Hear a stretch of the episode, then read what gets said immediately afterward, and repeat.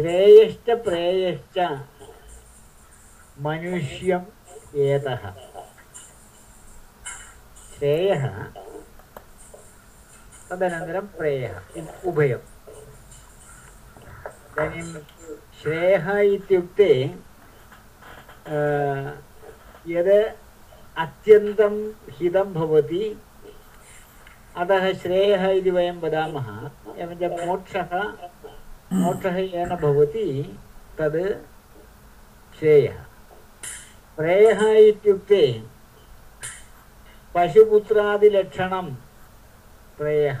एवञ्च अत्यन्तं प्रियं यदस्ति, तदेव प्रेयः। इदानीं श्रेयः अपि प्रेयः अपि मनुष्यं एतः एतः आ, इतः एति इतः। आ इतः एतः आगच्छतः आगच्छतः मनुष्यम् आगच्छतः। आगच्छति, आगच्छतः। तद् उभयमस्ति इति कारणेन श्रेयः, प्रेयः एवञ्च द्विवचनं। श्रेयः च, प्रेयः च। मनुष्यम् एतः मनुष्यम् आगच्छतः, मनुष्यं प्राप्नुतः श्रेयः अपि मनुष्य, मनुष्यं प्राप्नोति। प्रेयः अपि मनुष्यं प्राप्नोति। इदानीं लोके एवं एवमस्ति। मनुष्यस्य स्वीकाराय मनुष्यस्य स्वीकाराय प्रेयः अस्ति। तद्वत् श्रेयः अपि अस्ति। भवतां भवतां पुरतः वस्तुद्वयम् अस्ति। चिन्तयतु। भवन्तः चिन्तयन्तु। भवतां एकं वस्तु भवताम् अत्यन्तं हिताय भवति, तदागच्छति। एकं वस्तु भवतः प्रियतमं भवति, तदपि आगच्छति। एवञ्च श्रेयः अपि आगच्छति प्रेयः अपि आगच्छति। उभयमस्ति। एवञ्च भवतः इदानीं स्वीकरणे इच्छा अस्ति इच्छानुसारेण भव, भवन्तः स्वीकर्तुं शक्नुवन्ति। भवतां पुरतः उभयं तिष्ठति। एवञ्च श्रेयः अपि अस्ति, प्रेयः अस्ति।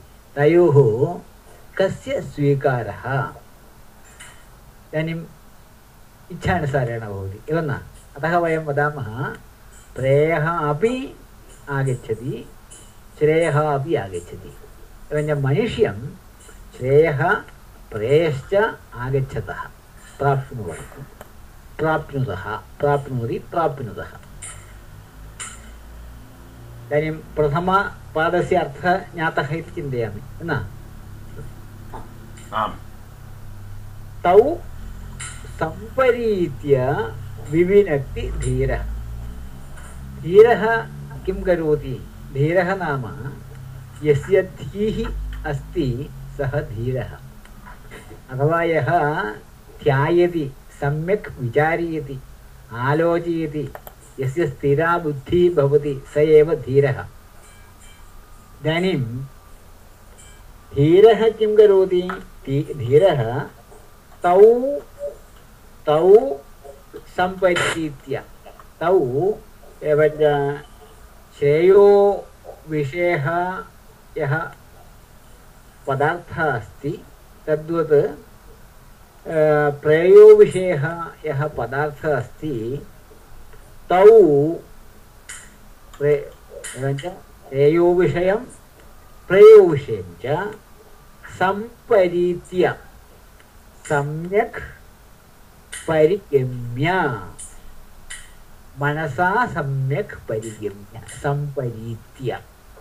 अर्थात् सम्यक् आलोच्य।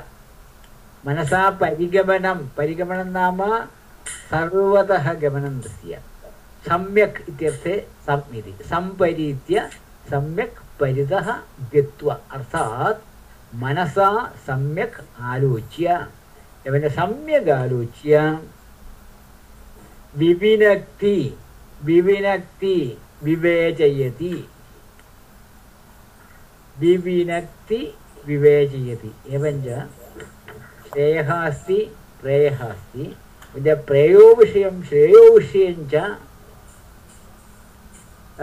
सम्यक् मनसा परीक्ष्य तत्र श्रेयप्रेयसोः विवेकं कुर्वन्ति धीराः।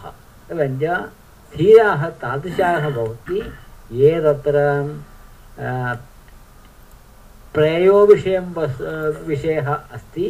अथवा श्रेयोविषयः अस्ति इति ज्ञात्वा तत्र श्रेयः श्रेयः यदस्ति तदेव धीरः स्वीकरोति। ज्ञातं वा एवञ्च तादृशविवेचनं करोति। श्रेयप्रेयसोः विवेचनं करोति धीरः।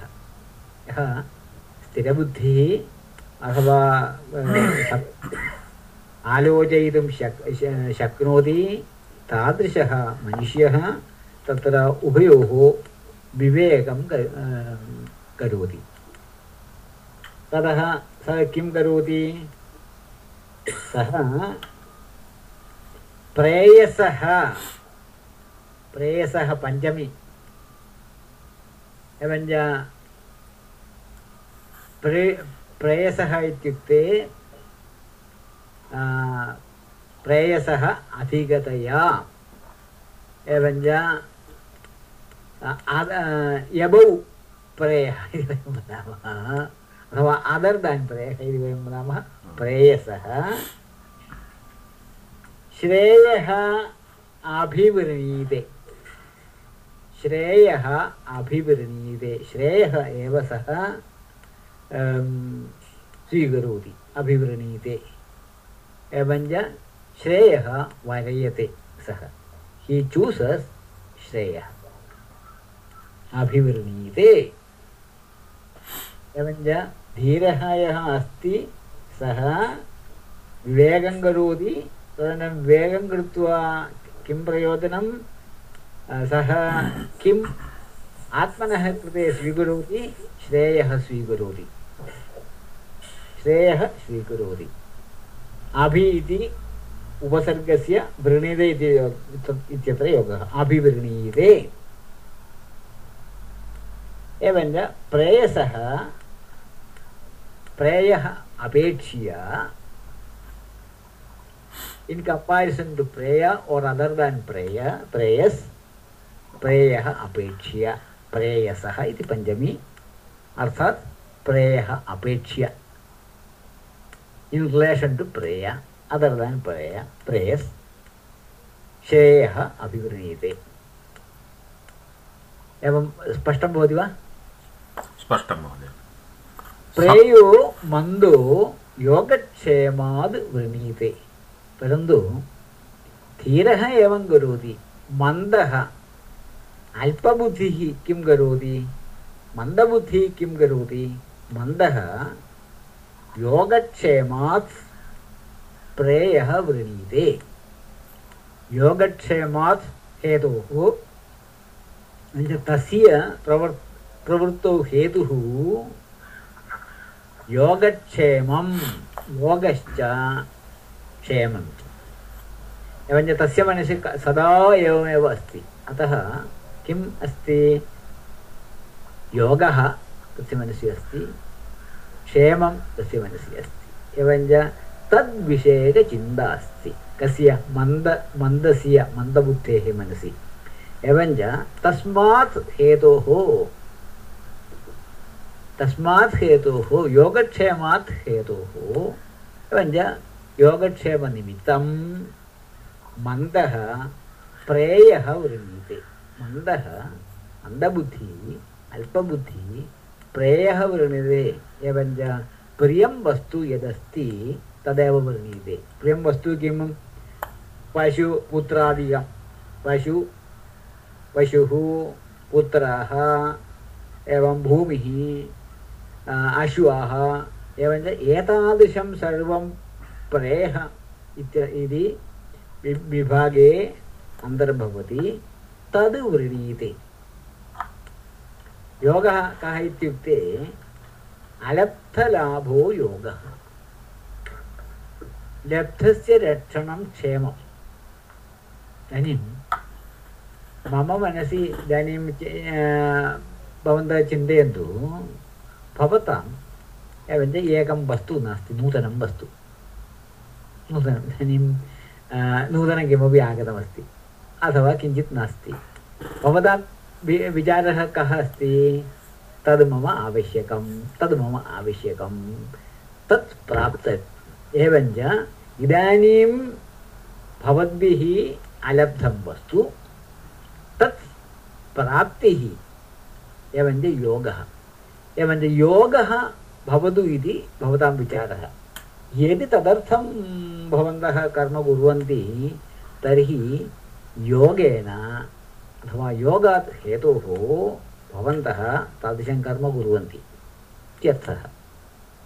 ज्ञातं वा, इदानीं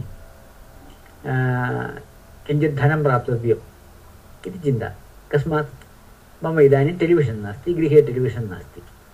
एवं तर्हि टेलिविशन्, दूरदर्शनम् अहं क्रेष्यामि इति विचारेण दूरदर्शनक्रयणार्थम् इदानीं दूरदर्शनं भवतां नास्ति। एवञ्च दूरदर्शनम् इदानीम् आलब्धमस्ति। एवञ्च आलब्धस्य लाभः तत्र योगः। तत्र योगार्थं भवन्तः किं कुर्वन्ति? भवन्तः वित्तकोशं गत्वा गोयिङ्ग् टु ए बेङ्क् वित्तकोशं गत्वा तत्र ऋणं प्राप्नुवन्ति। इदानीं ऋणप्राप्तौ भवतां हेतुः कः अस्ति? हेतुः दूरदर्शनस्य अलब्धस्य प्राप्तिः हेतुः अस्ति। एवञ्च योगात् योगात् भवन्तः एतत् कर्म कुर्वन्ति। स्पष्टं वा? अत्र योगात् इत्युक्ते अलब्धवस्तुस्य प्राप्तिः वा? आ, अलब्धस्य प्राप्तिः योगः। यद्यत् सुखभोग वस् वस्तु यद्यदस्ति, तस्य प्राप्त्यर्थम् एव सः इच्छां करोति इति कारणेन सः प्रेयः वृणीते। इदानीं पुत्रपौत्रादिधनम् इदानीं पुत्रपौत्रादिधनं नास्ति तर्हि एषा नचिकेताः नचिकेताः वाञ्छति इति चिन्ते, चिन्तयन्तु।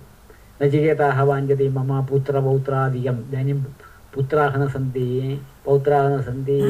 धनं नास्ति, किमपि नास्ति। एतत् सर्वम् अस्तु इति कृत्वा एवञ्च यमेन यदुक्तं तद्रीत्या सर्वम् अस्तु इति सः चिन्तयति तर्हि योगात् सः प्रेयः वृणीते। अथवा अतः नचिकेताः वदति, मन्दः एवं करोति। मन्दः योगक्षेमात् प्रेयः वृण्यते क्षेमं नाम किं क्षेमः इति पुल्लिङ्गेपि अस्ति क्षेमो इति नाम स्वलिङ्गेपि अस्ति चिन्ता नास्ति एवञ्च क्षेमं नाम लब्धस्य संरक्षणं क्षेमं लब्धस्य संरक्षणम् इदानीं अ, भवन्तः जानन्ति वा इदानीं अ, भवतां किञ्चिदस्ति एकं गृहमस्ति चिन्तयन्तु एकं गृहं प्राप्तमस्ति किञ्चित् कालानन्तरं तत्र भवनस्य, गृहस्य आधिपत्ये वादः, विवादः सञ्जातः। एवञ्च पितुः सकाशात् गृहं प्राप्तं। तद्, स- तस्मिन् अवसरे पिता एवञ्च पुत्राय, एकस्मै पुत्राय दत्तवान्। सः पुत्रः गृहं प्राप्य एवञ्च तुष्टः जीवति। तस्मिन् अवसरे अपरः पुत्रः आगतः। एवञ्च सः, इदानीं किं करोति? सः वदति, सः विवदते, सः वदति, मम अत्र अधिकारः, अस्मिन् गृहे मम अधिकारः एतत् मम अस्तु इति। इदानीं द्वयोः संवादः। इदानीं यस्य तद् इदानीम् अस्ति येन प्राप्तं तस्य स्वकीयत्वेन संरक्षणम् आवश्यकम् अतः सः किं करोति सः इदानीं न्यायवादिनं पश्यति न्यायवादी अड्वकेट् न्यायवादिनः समीपं गत्वा एवञ्च एतत् सर्वम् उक्त्वा तस्य साहाय्येन तत्र न्यायालये व्यवहारं करोति he gives a case the court न्यायालये व्यवहारः एवं न अभ्यर्थना करोति एवं तर्हि कीदृशी प्रवृत्तिः? तत्र क्षेमात् प्रवृत्तिः। एवं न? हरि ओम्। हरि ओम्। तत्र क्षेमात् तत्र प्रवृत्तौ हेतुः क्षेमं लब्धस्य प्राप्तस्य संरक्षणम्। इदानीं मया पूर्वं प्राप्तमस्ति तस्य संरक्षणमेव एतस्य मनसि। य- इदानीं भवनस्य स्वामी निर्णेतः पिता निर्णेतः सः इदानीं त- भ्राता आगत्य मम भवनं ग्रहीष्यति अतः तस्मात् मदीयत्वेन रक्षणीयम् इहं तदर्थं सः यत्नं करोति इदानीं तस्य प्रवृत्तौ हेतुः क्षेमं अतः क्षेमात् एवं यदि यद् यद्यत् मम अस्ति तस्य सुखभो सुखभोगवस्तुनः यथावद् रक्षणाय अहं कर्म करोमि तर्हि अहं क्षेमात् हेतोः क्षेमाद् हेतोः कर्म करोमि। यदि अप्राप्तं किमपि अस्ति अस्ति मया अप्राप्तं तस्य प्राप्त्यर्थम् अहं यत्नं करोमि तर्हि योगात् हेतोः अयं कर्म करोति। एवञ्च कीदृशः पुरुषः तादृशः? सर्वं नश्वरमिति ज्ञात्वा एवं कश्चन यत्नं करोति तर्हि सः मूर्खः, नश्वरस्य कृते यत्नं करोति तर्हि। मन्दः एव योगक्षेमात् प्रेयः वृणीते धीरः प्रेयः अपेक्ष्य, प्रेयः त्यक्त्वा श्रेयः वृणीते मन्दः श्रेयः त्यक्त्वा प्रेयः वृणीते एवमेव आशयः अन्य एकः प्रश्नः अस्ति महोदय हा पृच्छतु पृच्छतु सम्परित्य धातुः कः सम् इति उपसर्गः परि इति उपसर्गः इण् गतौ इति धातुः एवञ्च सम् परि गम्य गमनार्थे धातुः ओ अस्तु इत्वा केवलं क्त्वान्तम् अस्तु सम्परि इति अस्ति इति कारणेन ल्यबन्तम् एवञ्च सम्परि इत्- इत्य सम्परीत्य सं सम्यक् परिगम्य अर्थात् मनसा सम्परिगम्य एवञ्च सम्यक् आलोच्य इति आशयः अस्तु कथं वा ध- धन्यवादः अस्तु इदानीं सर्वेषां स्पष्टं वा? स्पष्टं महोदय। अ, संशयः अस्ति वा? न न महोदय सम्यक्। अपि?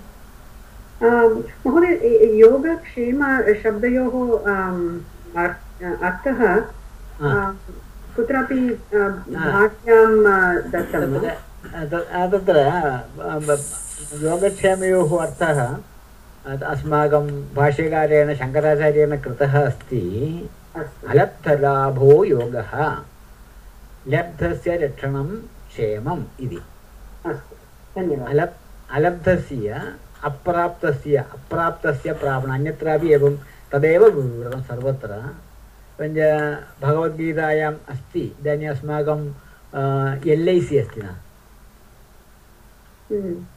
तत्र गीतावाक्यं तत्र मोटो अस्ति एवञ्च आदर्शवाक्यमस्ति L I C life insurance corporation of India योगक्षेमं वदा आम् तत्र भगवद्गीतायां तेषां नित्याभियुक्तानां योगक्षेमं वहाम्यहं भगवान् वदति तत्र योगक्षेमशब्दस्य अर्थः कः तत्र उक्तम् अलब्धलाभो योगः लब्धस्य रक्षणं क्षेमम्।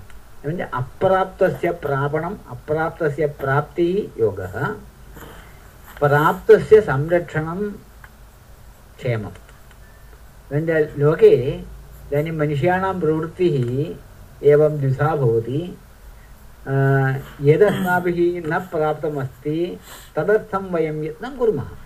यदस्माभिः प्राप्तमस्ति तस्य नाशः मा भवतु पराधीनता मास्तु परस्य अधीनं तद् वस्तु न भवतु इति कृत्वा एवञ्च क्षेमादपि प्रवृत्तिः एवञ्च योगादपि प्रवृत्तिः क्षेमादपि प्रवृत्तिः लोके भवति एवमेव अस्ति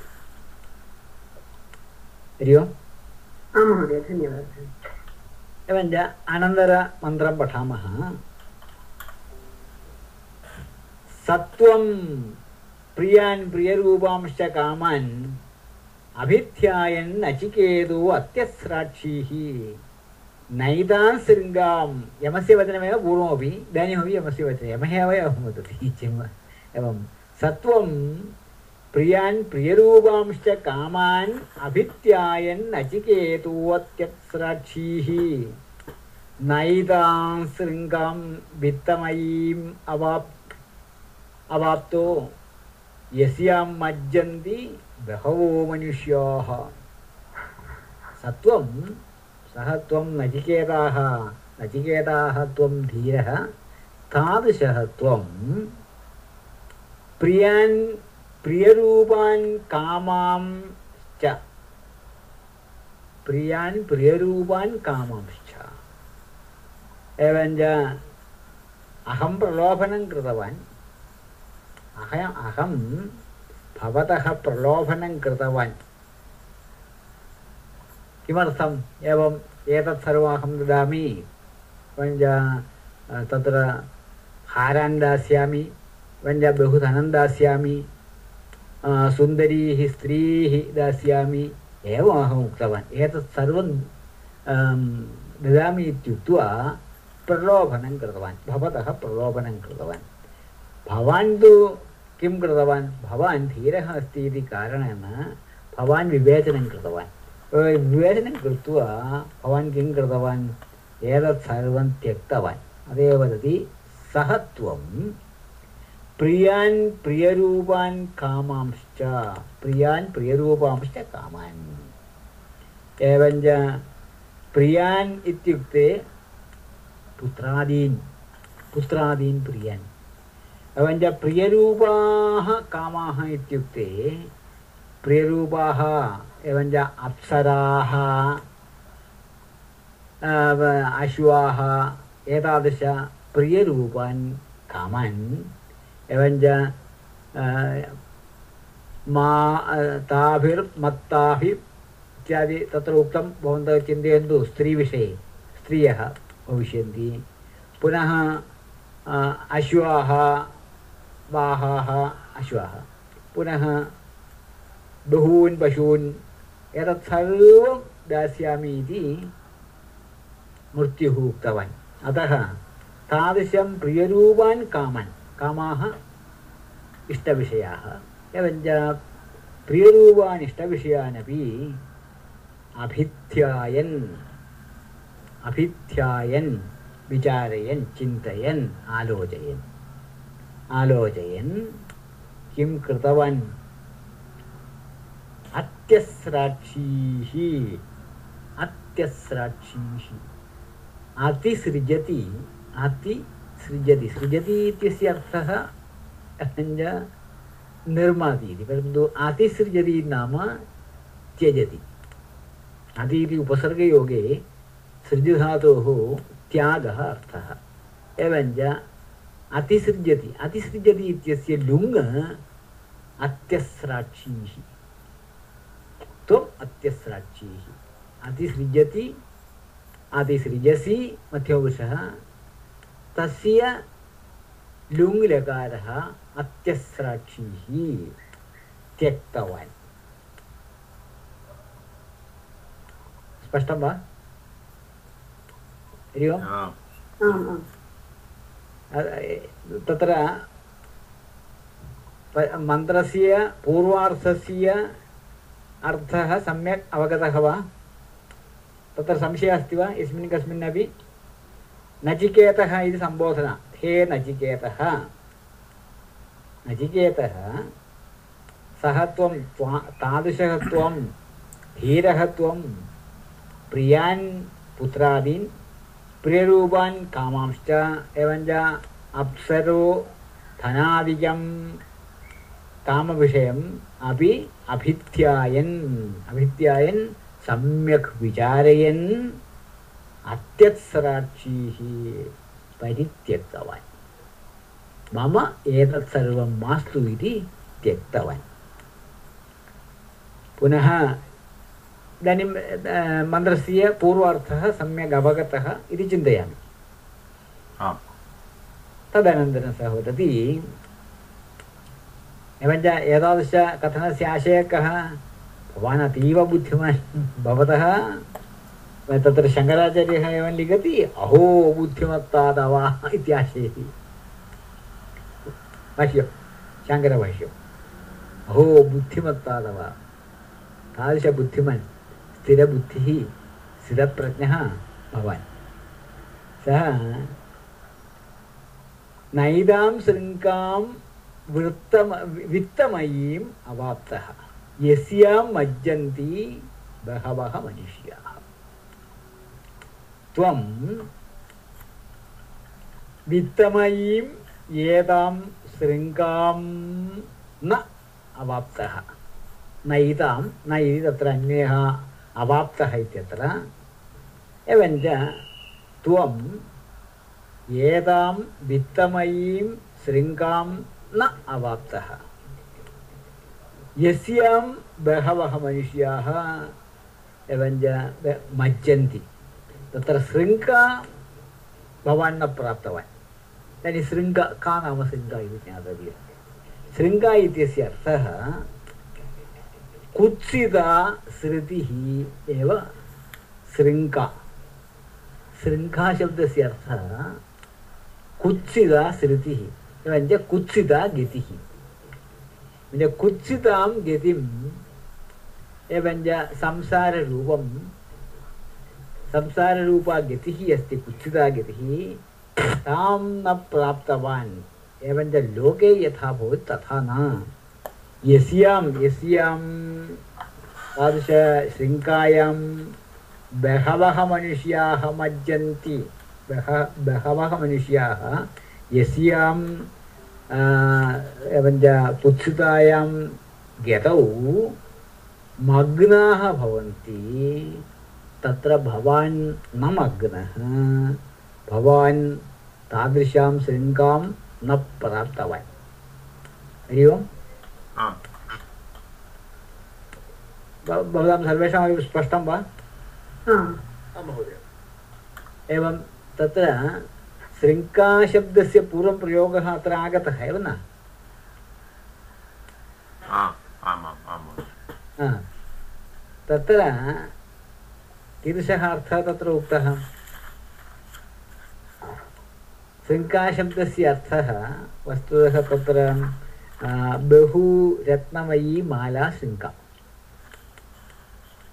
तत्र बहुरत्नमयी माला इत्यनेन तदानीमेव अर्थः उक्तः तत्र लोके एवञ्च भोगवस्तूनि सन्ति तादृशभोगवस्तु वस्तुषु या इच्छा भवति एवञ्च तत्प्राप्त्यर्थं यत् कर्म वयं कुर्मः तादृशकर्म तादृशं सरणं तादृशं गमनं, तादृशी गतिः एव कुत्सा अस्ति।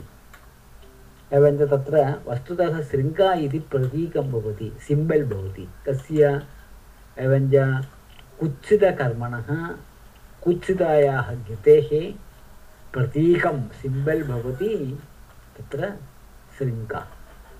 अतः एव शङ्कराचार्यः अत्र व्याख्यानं करोति, तादृशकुत्सितां श्रुतिं कुत्सितां गतिं त्वं न अवाप्तः।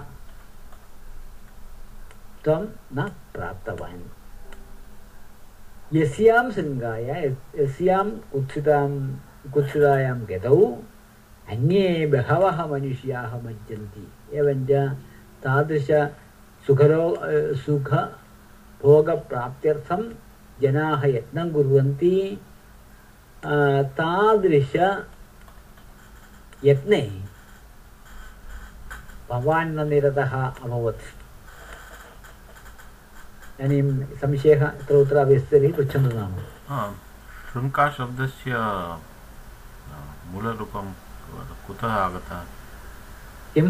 शृङ्क शृङ्क शृङ्गा इति शब्दः वस्तुतः वयं वदामः रूढशब्दः। रूढशब्दः इत्युक्ते तत् तत्र अवयव अर्थः नैव अस्ति। एवञ्च भवन्तः जानन्ति वा? इदानीं शब्दाः त्रिविधाः वा चतुर्विधाः वा भवन्ति इति वयं वदामः। रूढशब्दः योगशब्द यौगिकः शब्दः पुनः योगरूढः शब्दः पुनरपि यौग्यरूढः इत्यपि वयं वदामः। योग्यरूप योग्यता प्रथमा प्रथमः रूढशब्दः। रूढशब्द इत्युक्ते कश्चन शब्दः अस्ति कथं तत्र अर्थः अपि अस्ति लोके प्रसिद्धः अर्थः। परन्तु कस्मात् धातोः निष्पन्नः एवञ्च धातुसम्बद्धः अर्थः अस्ति वा न वा इति वयं न जानीमः तर्हि एवञ्च तत्र अवयवं निर्णीय अर्थकथनं नैव शक्यते तर्हि तत्र किमस्ति तत्र अवयवार्थः नास्ति अवयवः नाम तत्र अंशयोगेन निष्पन्नः तर्हि अंशः अंशः इति अवयवः धातुः तदनन्तरं प्रत्ययः इति धातुप्रत्यययोगेन कश्चन शब्दः निष्पन्नः तर्हि अवयव अवयवाः सन्ति उदाहरणार्थं वदामि पच इति धातुः। पाचकः कारकः अक इति प्रत्ययः। कृ धातु अक इति प्रत्ययः। एवञ्च पाचकशब्दः अस्ति तत्र अवयवौ स्तः। पच धातुः अक इति प्रत्ययः। एवं पाचकशब्दः तत् हा। हरि हरि ओम् कश्चन शब्दः श्रूयते हा, श्रूयते हा, यौगिकशब्दः इति वयं वदामः पाचकशब्दः यौगिकशब्दः यत्र अवयवार्थः अपि अस्ति स्पष्टं ज्ञातं वा तद्वत् इदानीं मणिः इति शब्दः अस्ति मणिशब्दः मणिशब्दः अवयवार्थेन अवयवार्थेन मणिशब्दस्य अर्थं वयं न जानीमः मणिशब्दस्य अर्थः कः रत्नम् रत्नं इत्यर्थः। रत्नम् एवञ्च मणधातोः निष्पन्नः इति वैयाकरणाः साधयितुं शक्नुवन्ति मणधातोः अर्थः मणशब्दे इत्यस्ति एवञ्च मणशब्दे इति तर्हि तर्हि एवञ्च रत् रत्नस्य शब्दः नास्ति इति वयं वदामः अतः मणिशब्दः तद्वत् नूपुरशब्दः नूपुरं नूपुरशब्दं तत्रापि अवयवार्थः नास्ति एवञ्च रूढः शब्दः इति वयं वदामः। ज्ञातं वा? परन्तु पङ्कजशब्दः अस्ति। पङ्कजशब्दः। पङ्कजशब्दः अस्ति तत्र पङ्कजशब्दे कथमस्ति? पङ्के जातं पङ्कजम् एवं न जलजं जले जातं जलजं परन्तु तत्र अवयवार्थः अपि अस्ति अवयवार्थः अपि अस्ति पाचकशब्दे अवयवार्थः एव अस्ति ज्ञातं वा पचधातोः- पाकक्रियार्थः अक इति प्रत्ययस्य कर्ता अस्त अर्थः। यः यः यः पाकक्रियाँ करोति स एव पाचकः। एवञ्च अवयवार्थेन शब्दस्य अर्थः निष्पन्नः। ज्ञातं वा? अवयवार्थचिन्तां विना यत्र अर्थः अस्ति सः रूढः शब्दः।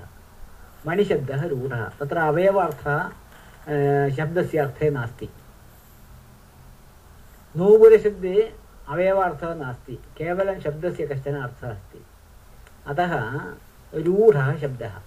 रूढः इत्युक्ते प्रयोगे रूढः पुरातनकालतः इति अर्थः। ज्ञातं वा एवञ्च एवमेव भवति इति। परन्तु पाचकशब्दे अवयवार्थः अस्ति। सः यौगिकः शब्दः। यौगिकः। पुनः पङ्कजशब्दः अस्ति। पङ्कजशब्दः पङ्के जातं जलजशब्दः अस्ति जले जातं जलजं जले जायते इति सर्वमपि जलजं भवति वा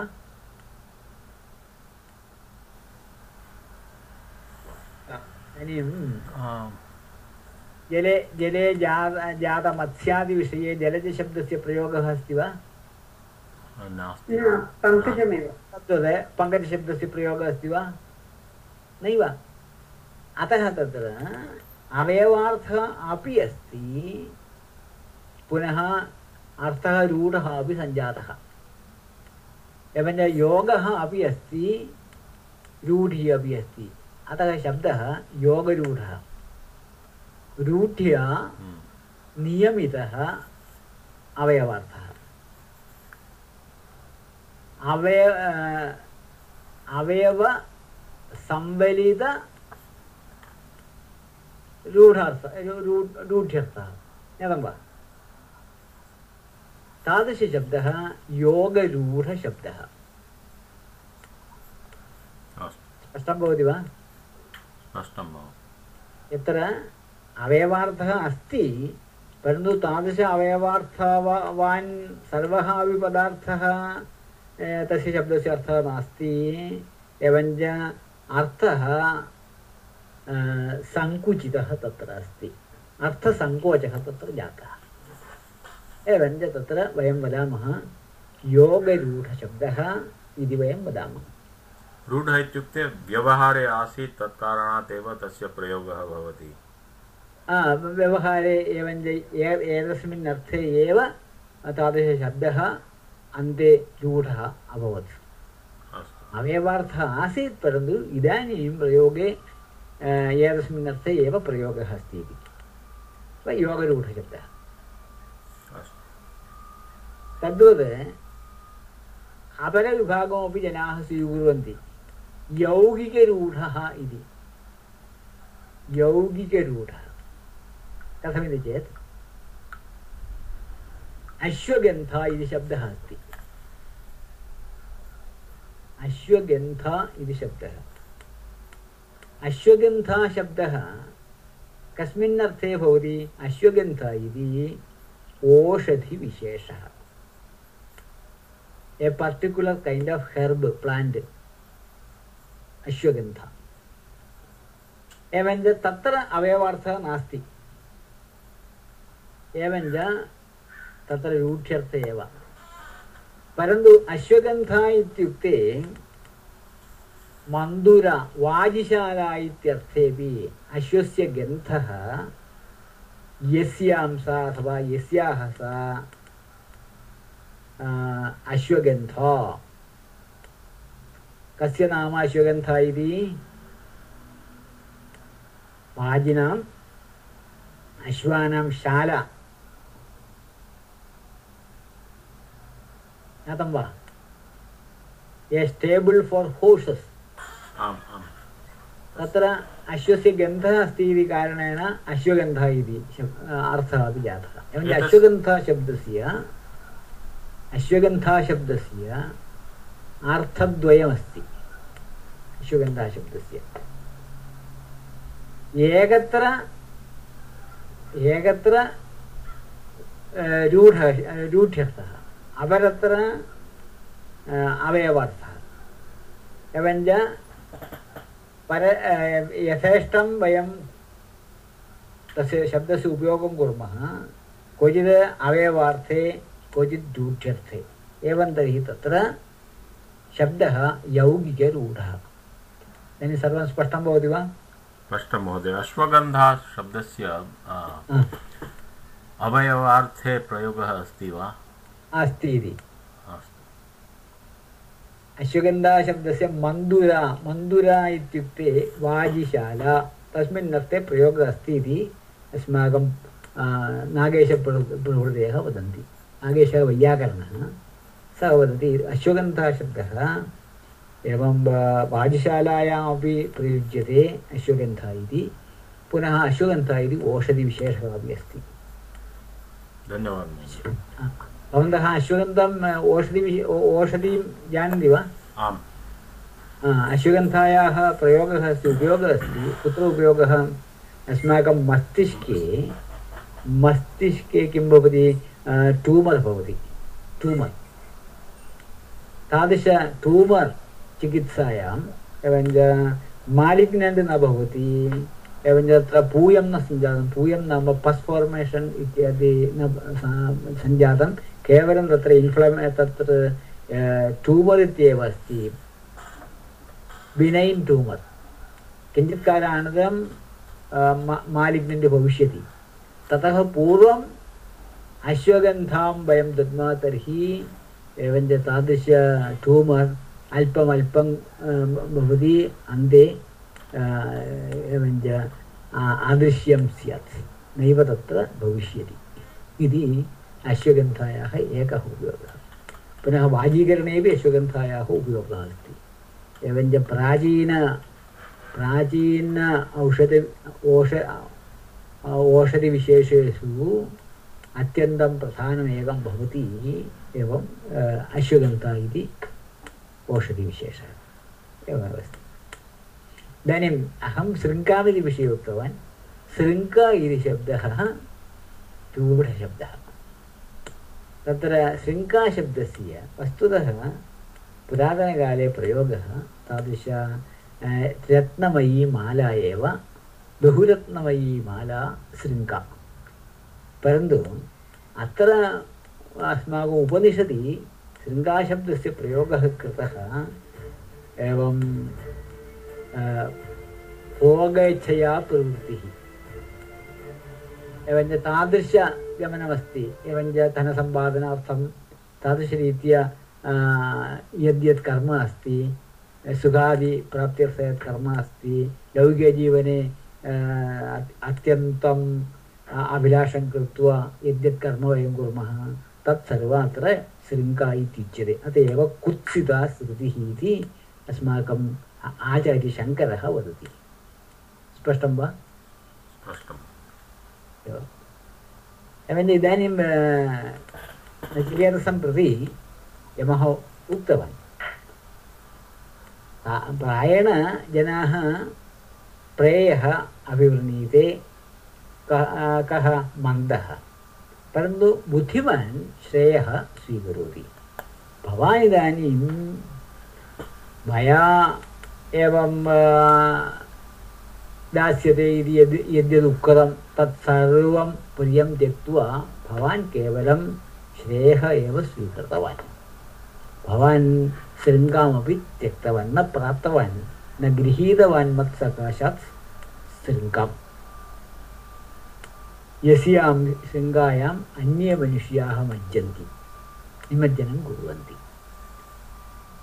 तद् लो- लोके यथा इदानीं यः कश्चित् आगत्य अस्माकं कृते ब- बहु रत्नमयी माला दा दा- माला दास्यते इत्युच्यते इति वदन्ति तर्हि वयं किं कुर्मः तान् प्रति वयं, अ, वदामः ओ अस्तु अस्तु इति वदामः तद्वदेव लोकजीवने परन्तु भवान् अन्यजनाः इव न भवान् तु तत् त्यक् त्यक्तवान् एवञ्च अत्यन्तं विरलाः एव धीमन्तः धीराः एवञ्च तादृश धीरेषु एवञ्च स्थितप्रज्ञेषु भवान् अपि अस्ति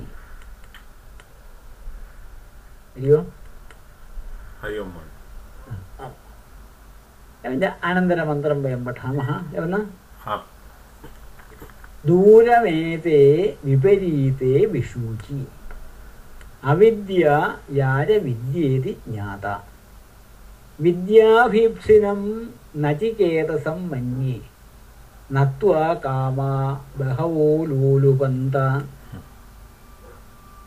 दूरमेते विपरीते विश्- विषूचि अ- अ, तत्र एतद्विषये तत्र पूर्वं अ, श्रेयः श्रेयः इत्युभयम् अधिकृत्य उक्तम् एवञ्च दूरम् एक एकः निमिषः इदानीं उपयुक्त अस्ति आ। एकः निमिषः दूरवाणी आगच्छति वद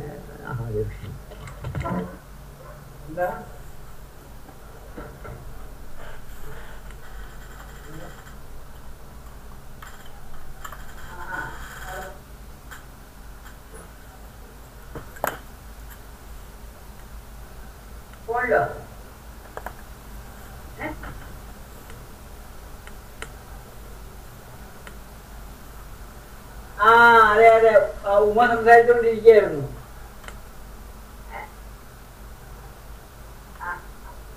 ആ ആ ഇതുവരെ സംസാരിച്ചുകൊണ്ടിരിക്കുകയായിരുന്നു ഞാൻ ഇന്റർനെറ്റ് കണ്ടിട്ടുകൊണ്ടിരിക്കുക ഇപ്പൊ. ആ ഞാനിപ്പോ ക്ലാസ് എടുത്തോണ്ടിരിക്കുക സ്കൈപ്പിൽ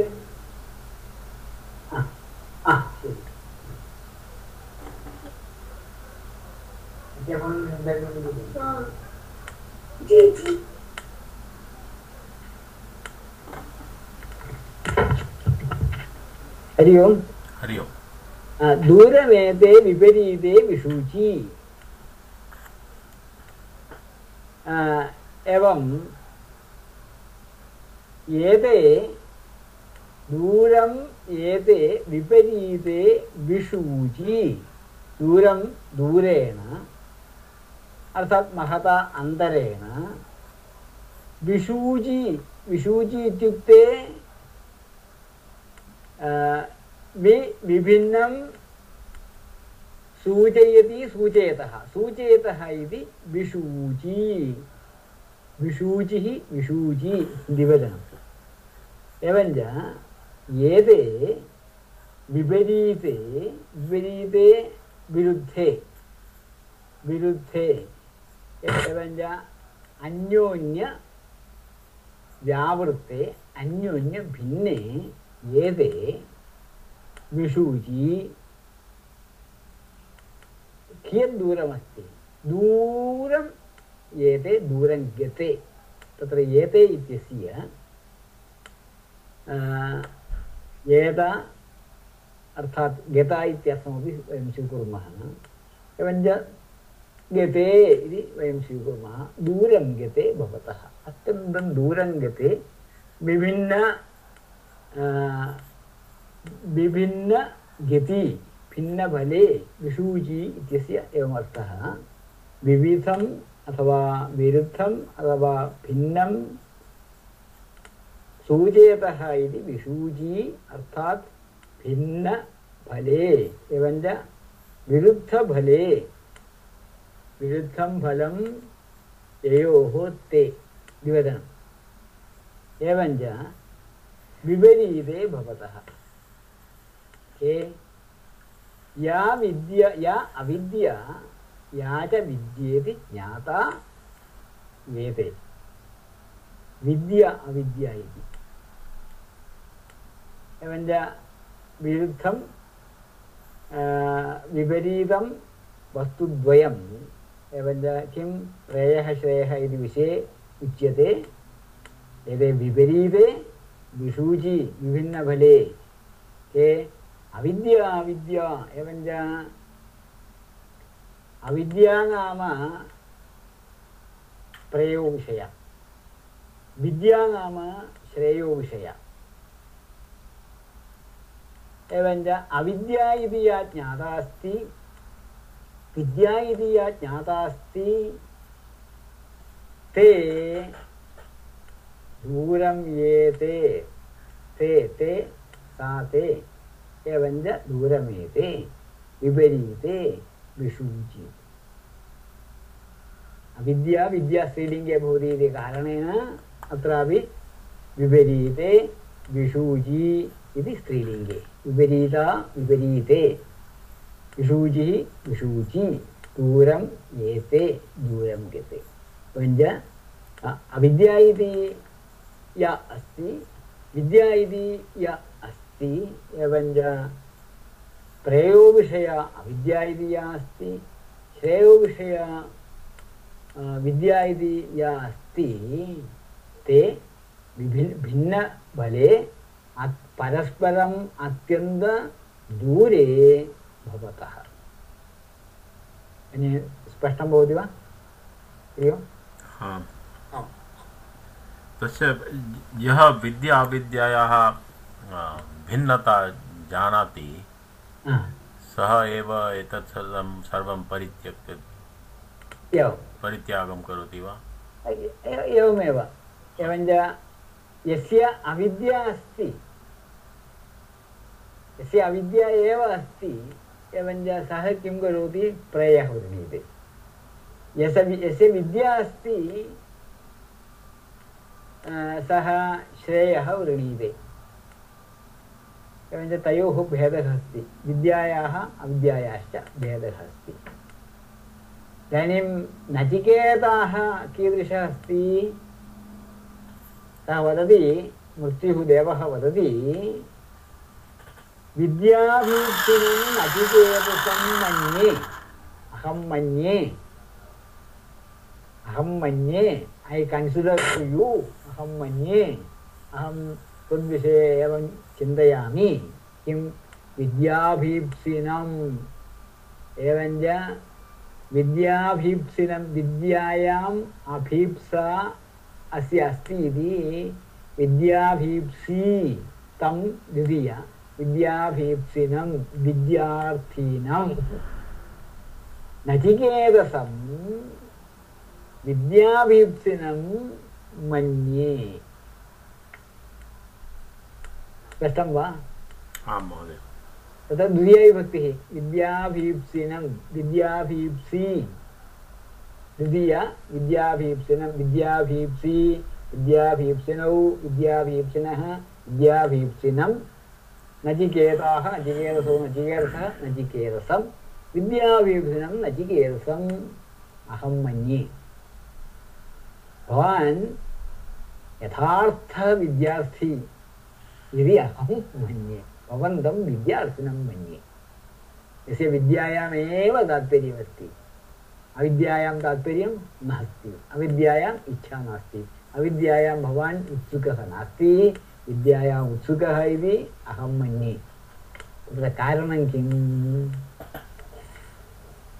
नत्वा कामा बहवो अलूलुपन्त त्वा त्वां त्वाम् इत्यस्य त्वा। बहवः कामाः। बहवः कामाः। मया प्रलोभनार्थं अ, एवञ्च वा वाचा दत्ताः वाग्दत्ताः कामाः। बहवः कामाः। त्वां न अलोलुपन्त। त्वां न अलोलुपन्त।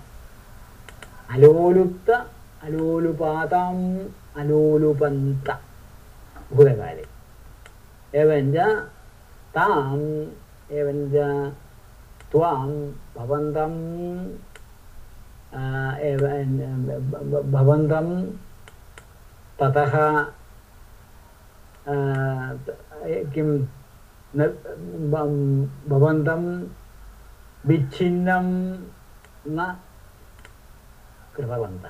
कामाः। एवञ्च भवन्तम् एवञ्च भवतः एवञ्च वि- विद्यायाः आग्रहात् भवन्तं विच्छिन्नं न अकरोत्। यानि आशयः स्पष्टो वा? महोदय अनन्तकृष्णः तत्र पुनः एकवारं तत्र विद्याभीप्सी इति तस्य विग्रहवाक्यं किम् उक्तवान्? विद्यायाः अथवा विद्यायाम् अभीप्सा। अभीप्सा नाम अभ्याप्तुं प्राप्तुम् इच्छा अभीप्सा। ईप्सा इति भवान् जानाति वा? आम्। आप्तुम् इच्छा ईप्सा। अभि इति उपसर्गः अस्ति तर्हि अभीप्सा। हम्म, विद्यायाम् अभीप्सा अथवा विद्यायाः अभीप्सा विद्याभीप्सा। विद्याभीप्सा अस्य अस्ति इति विद्याभीप्सी। अवगतं कर्तुरीप्सितमं कर्तुरीप्सितमं कर्म इति ईप्सितमं तत्र ईप्सा तदेव किल? तत्र तत्र ईप्सा अस्ति। ईप्सा। अभि इति उपसर्गः अभीप्सा। विद्याभीप्सा विद्याभीप्सा यस्य अस्ति सः विद्याभीप्सी। अस्तु इन्न धन्यवादः इन्नन्तः धनी धनिनौ धनिनः इति वयं वदामः एव न आम् आम् आम् तद्वत् एवञ्च विद्याभीप्सिनं नचिकेतसं मन्ये क- किं कारण एवं कथने त्वां बहवः कामाः न अलोलुपन्त बहवः कामाः भवन्तं भवतः एवञ्च आग्रहात् अ, न लुप्तं कृतवन्तः अर्थात् ततः दूरे न प्रेरितवन्तः। एवञ्च कामाः भवन्तं स्वाधीनं न कृतवन्तः। स्पष्टं वा। एवमेव अस्ति इदानीं तादृशः भवान् अस्ति इति। महोदय अत्र विशुचि